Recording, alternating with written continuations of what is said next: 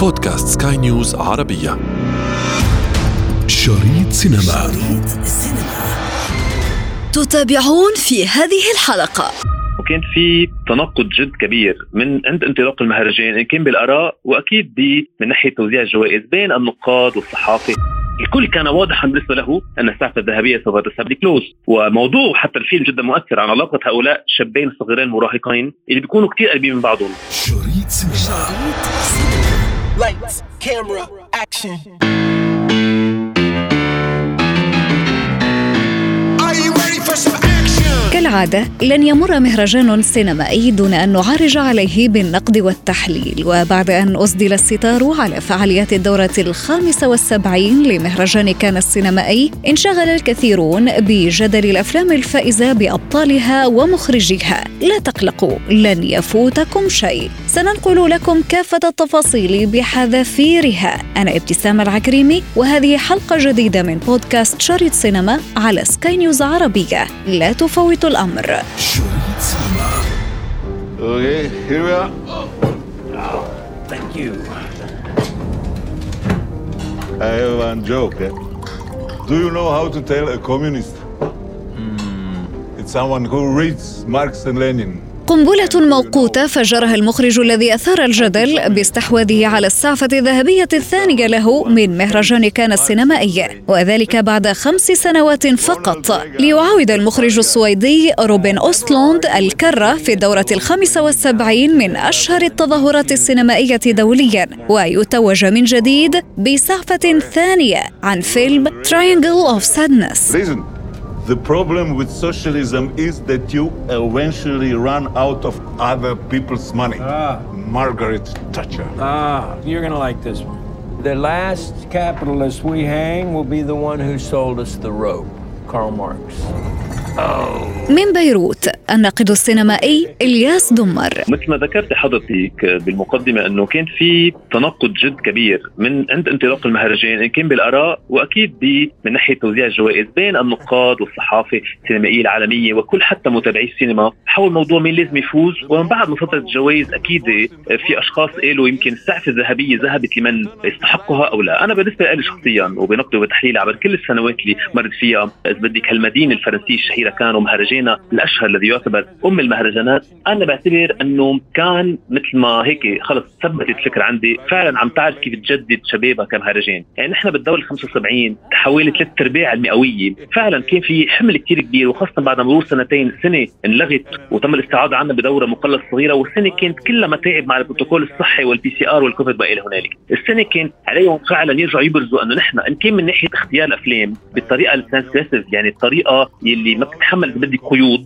ومن ناحية حتى الزوار ومن ناحية يعني كيف كان جربت بيقولوا تكون منفتحة بعد أكثر مثل أيام زمان وترجع تلبس هالزي اللي هو فعلا زي استقدام أو فتح الأبواب قدام كل المخرجين وكل الأفكار وكل الطروحات، أنا بالنسبة لي أثبتت هذا الشيء وحتى بالجوائز يعني. إذا بدك بس نبلش بأهم جائزة اللي هي جائزة السعفه الذهبية أو ال Palme d'Or. كله قال إنه فيلم روبن أوستلوند المخرج السويدي الرائع والفذ والذكي جدا والصاخب أحيانا وكثيرا في افلامه ما كان بيستحقها. ومع أنه ليست المرة الأولى أيضا أستاذ إلياس. صحيح يسلم تمك. اللي عم أقوله كنت سبقتيني أنه هو عم ينضم إلى نادي القلة القلائل الذين حازوا بتاريخ كان على جائزتين السعفه الذهبية يعني مثل فرانسيس فورد كوبولا الأخوين جان بيير ولوك داردان إيميل كوستوريتزا وهو أيضا. وعم يحوز على هذه الجائزة مرتين من بعد ما حاز عليه آخر مرة 2017 على فيلم Square أنا بالنسبة لي كان بيستاهلها مرة ثانية مع أنه كان الكل عم يطلعوا انظاره عم تذهب إلى الفيلم البلجيكي Close لوكاس دونت فيلم رائع جدا حاز على 12 دقيقة تصفيق متواصل standing ovation أو حتى يمكن في ناس كانوا بفضلوا فيلم Stars at Noon للفرنسيه كلير دوني. أنا بالنسبة لي من بعد ما اللي شاهدته واللي عرفته واللي شفته وكيف عم ينتقل بهالفلك ال geometry من المربع إلى هلأ مثلث الحزن Triangle of Sadness هذه المنطقة بين الحاجبين اللي لها معنى دليلي بال plastic surgery أو بالجراحه التجميلية يعني إزاحة هذا هذه المنطقة بين الحاجبين إلى بعد آخر أخذه هو مش بس هذا المثلث الوجهي اخذوا إلى مثلثات سيكولوجية ونفسية عندما انتقد ومعود هو بين السوشياليزم وبين الماركسيزم اللي ربع عليهم ببيته روبن أوستن. كيف انتقد المجتمع وخاصة المجتمع ليس فقط الأغنياء ولكن السد أكثر أغنياء اللي بينتقلوا من عالم الموضة في منهم على على عالم رحلة سياحية قدمت لهم من وراء الفولورز على الإنستغرام أو المتابعين. عم نشوف حتى هون وقع السوشيال ميديا عم ينتقلوا بطريقة غير مباشرة. وعلى متن هالسفينه بدنا نشوف أغنى الأغنياء كيف لما ينحطوا بموقف حرج بيصيروا هن يمكن قادرين على قول يمكن ما لهم عازة بيصيروا يمكن أقل الأشخاص وجودا على هالمدينه اللي هن يمكن الخادمين أو اللي يمكن بينظفوا دور مياه بصير عندهم أهمية لما توقع الواقع أهم من الأغنياء اللي بيعتبروا حالهم هن فهمانين بالفلسفة وبالمجتمع وبالروحانيات وما إلى هنالك، الفيلم عم ينتقد الطبقية المجتمعية والتمييز المجتمعي بطريقة جد ذكية مثل ما فعل حتى قبل بال The Square لما انتقد جانب آخر اللي هو الثقافة والمتاحف، شو عم يصير بعالم الثقافة؟ بطريقة آه، غير منطقية، يعني هون اوستلوند لو ما كان بنفس التركيبة المعقدة جدا هي طرحها بافلامه السابقه من الناحيه السيكولوجيه مع مع فيلم ما ذكرنا بافلامه الماضية. ذهب إلى أمور أكثر تركيبا وتعقيدا بفيلم فورس ماجور أو بعنوانه السويدي تورست اللي بينتقد كمان العلاقات وخاصة العائلية ونحس المسؤولية الموضوع وبالتحديد على كاهل الرجل أو رب العائلة. The terms of your father's will are explicit that you take an active role in the company. The shares, how much are they worth? We need to assign you a new close protection officer. Am I supposed to know who you are? Sam, nice to meet you. كان كان قد أهدى أيضا السعفة الذهبية لفيلمي كلوز الذي تدور أحداثه حول الصداقة ومبادئ الرجولة للمخرج البلجيكي لوكاس دونت و Stars at Noon الذي تم تصويره في نيكاراغو الحديثة للمخرجة الفرنسية كلير دوني التي فازت بالجائزة الكبرى للجنة التحكيم Zoe, stay low, okay? Come on.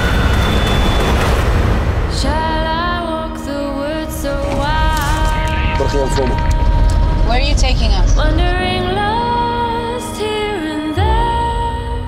سنتابع معكم بآراء النقاد في هذا. يعني كمان هذا الفيلم مثل ما ذكرت لك إن كان من ناحية النقاد وكل متابعي السينما والجمهور اللي صفق 12 دقيقة متواصلة كان أكبر نسبة standing ovation حصل عليها هذه السنة في مهرجان كان. الكل كان واضحا بالنسبة له أن السعفة الذهبية سوف تذهب لكلوز وموضوع حتى الفيلم جدا مؤثر عن علاقة هؤلاء الشابين الصغيرين المراهقين اللي بيكونوا كثير قريبين من بعضهم بناحية جد شاعرية وأخوية. وإذا بدك بهالإحساس الحلو كثير اللي عنده إياه المرهف المخرج لوكاس دونت.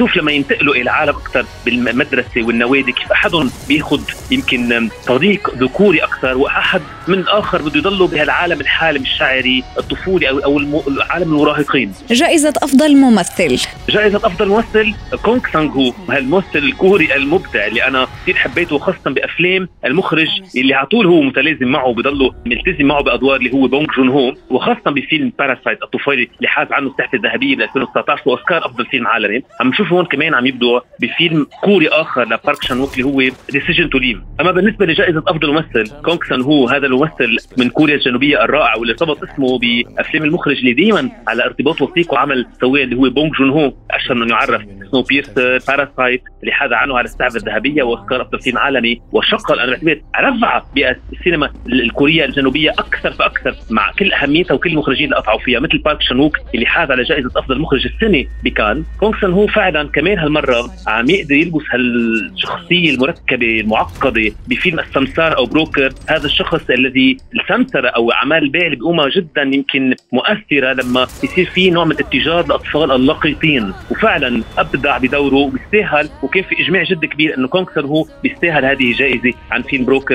الياباني المبدع هيروكازو كوريدا. كان هنالك أيضا مشاركات عربية يعني الفوز المصري.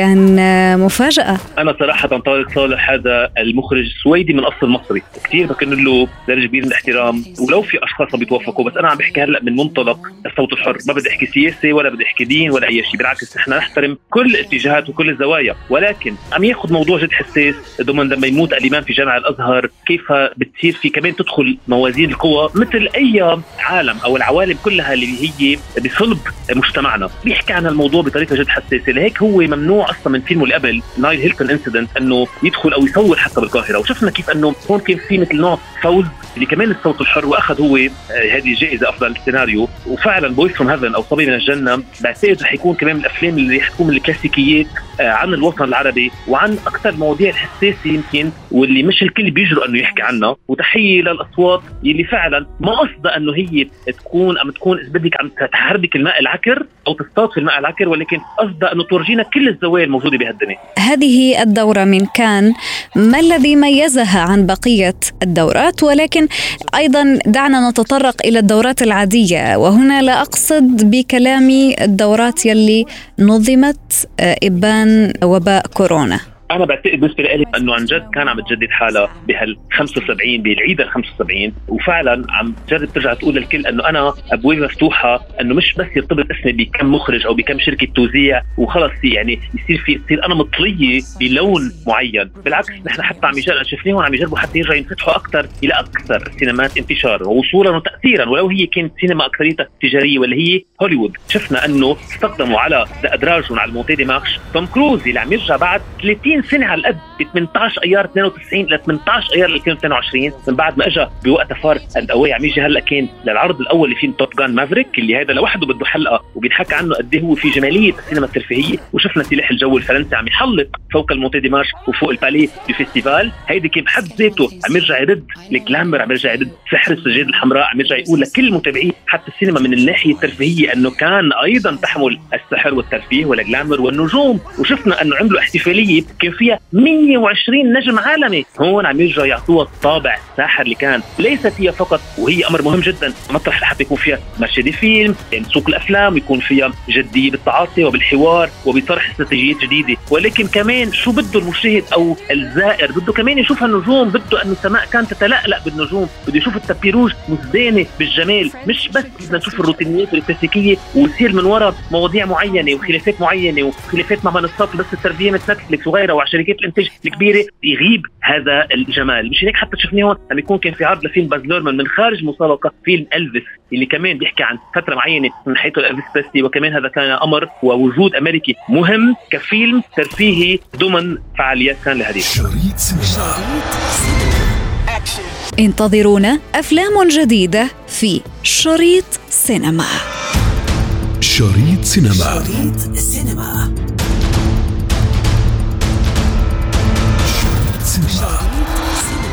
في ختام حلقتنا من شريط سينما ضمن منصة بودكاست سكاي نيوز عربية. نذكركم بمتابعتنا والاستماع لنا عبر تحميل منصاتنا المختلفة من البودكاست التي تجدونها على أبل ستور وجوجل بلاي كنت معكم في التقديم أنا ابتسام العكريمي ومن إخراج نويل بولوس.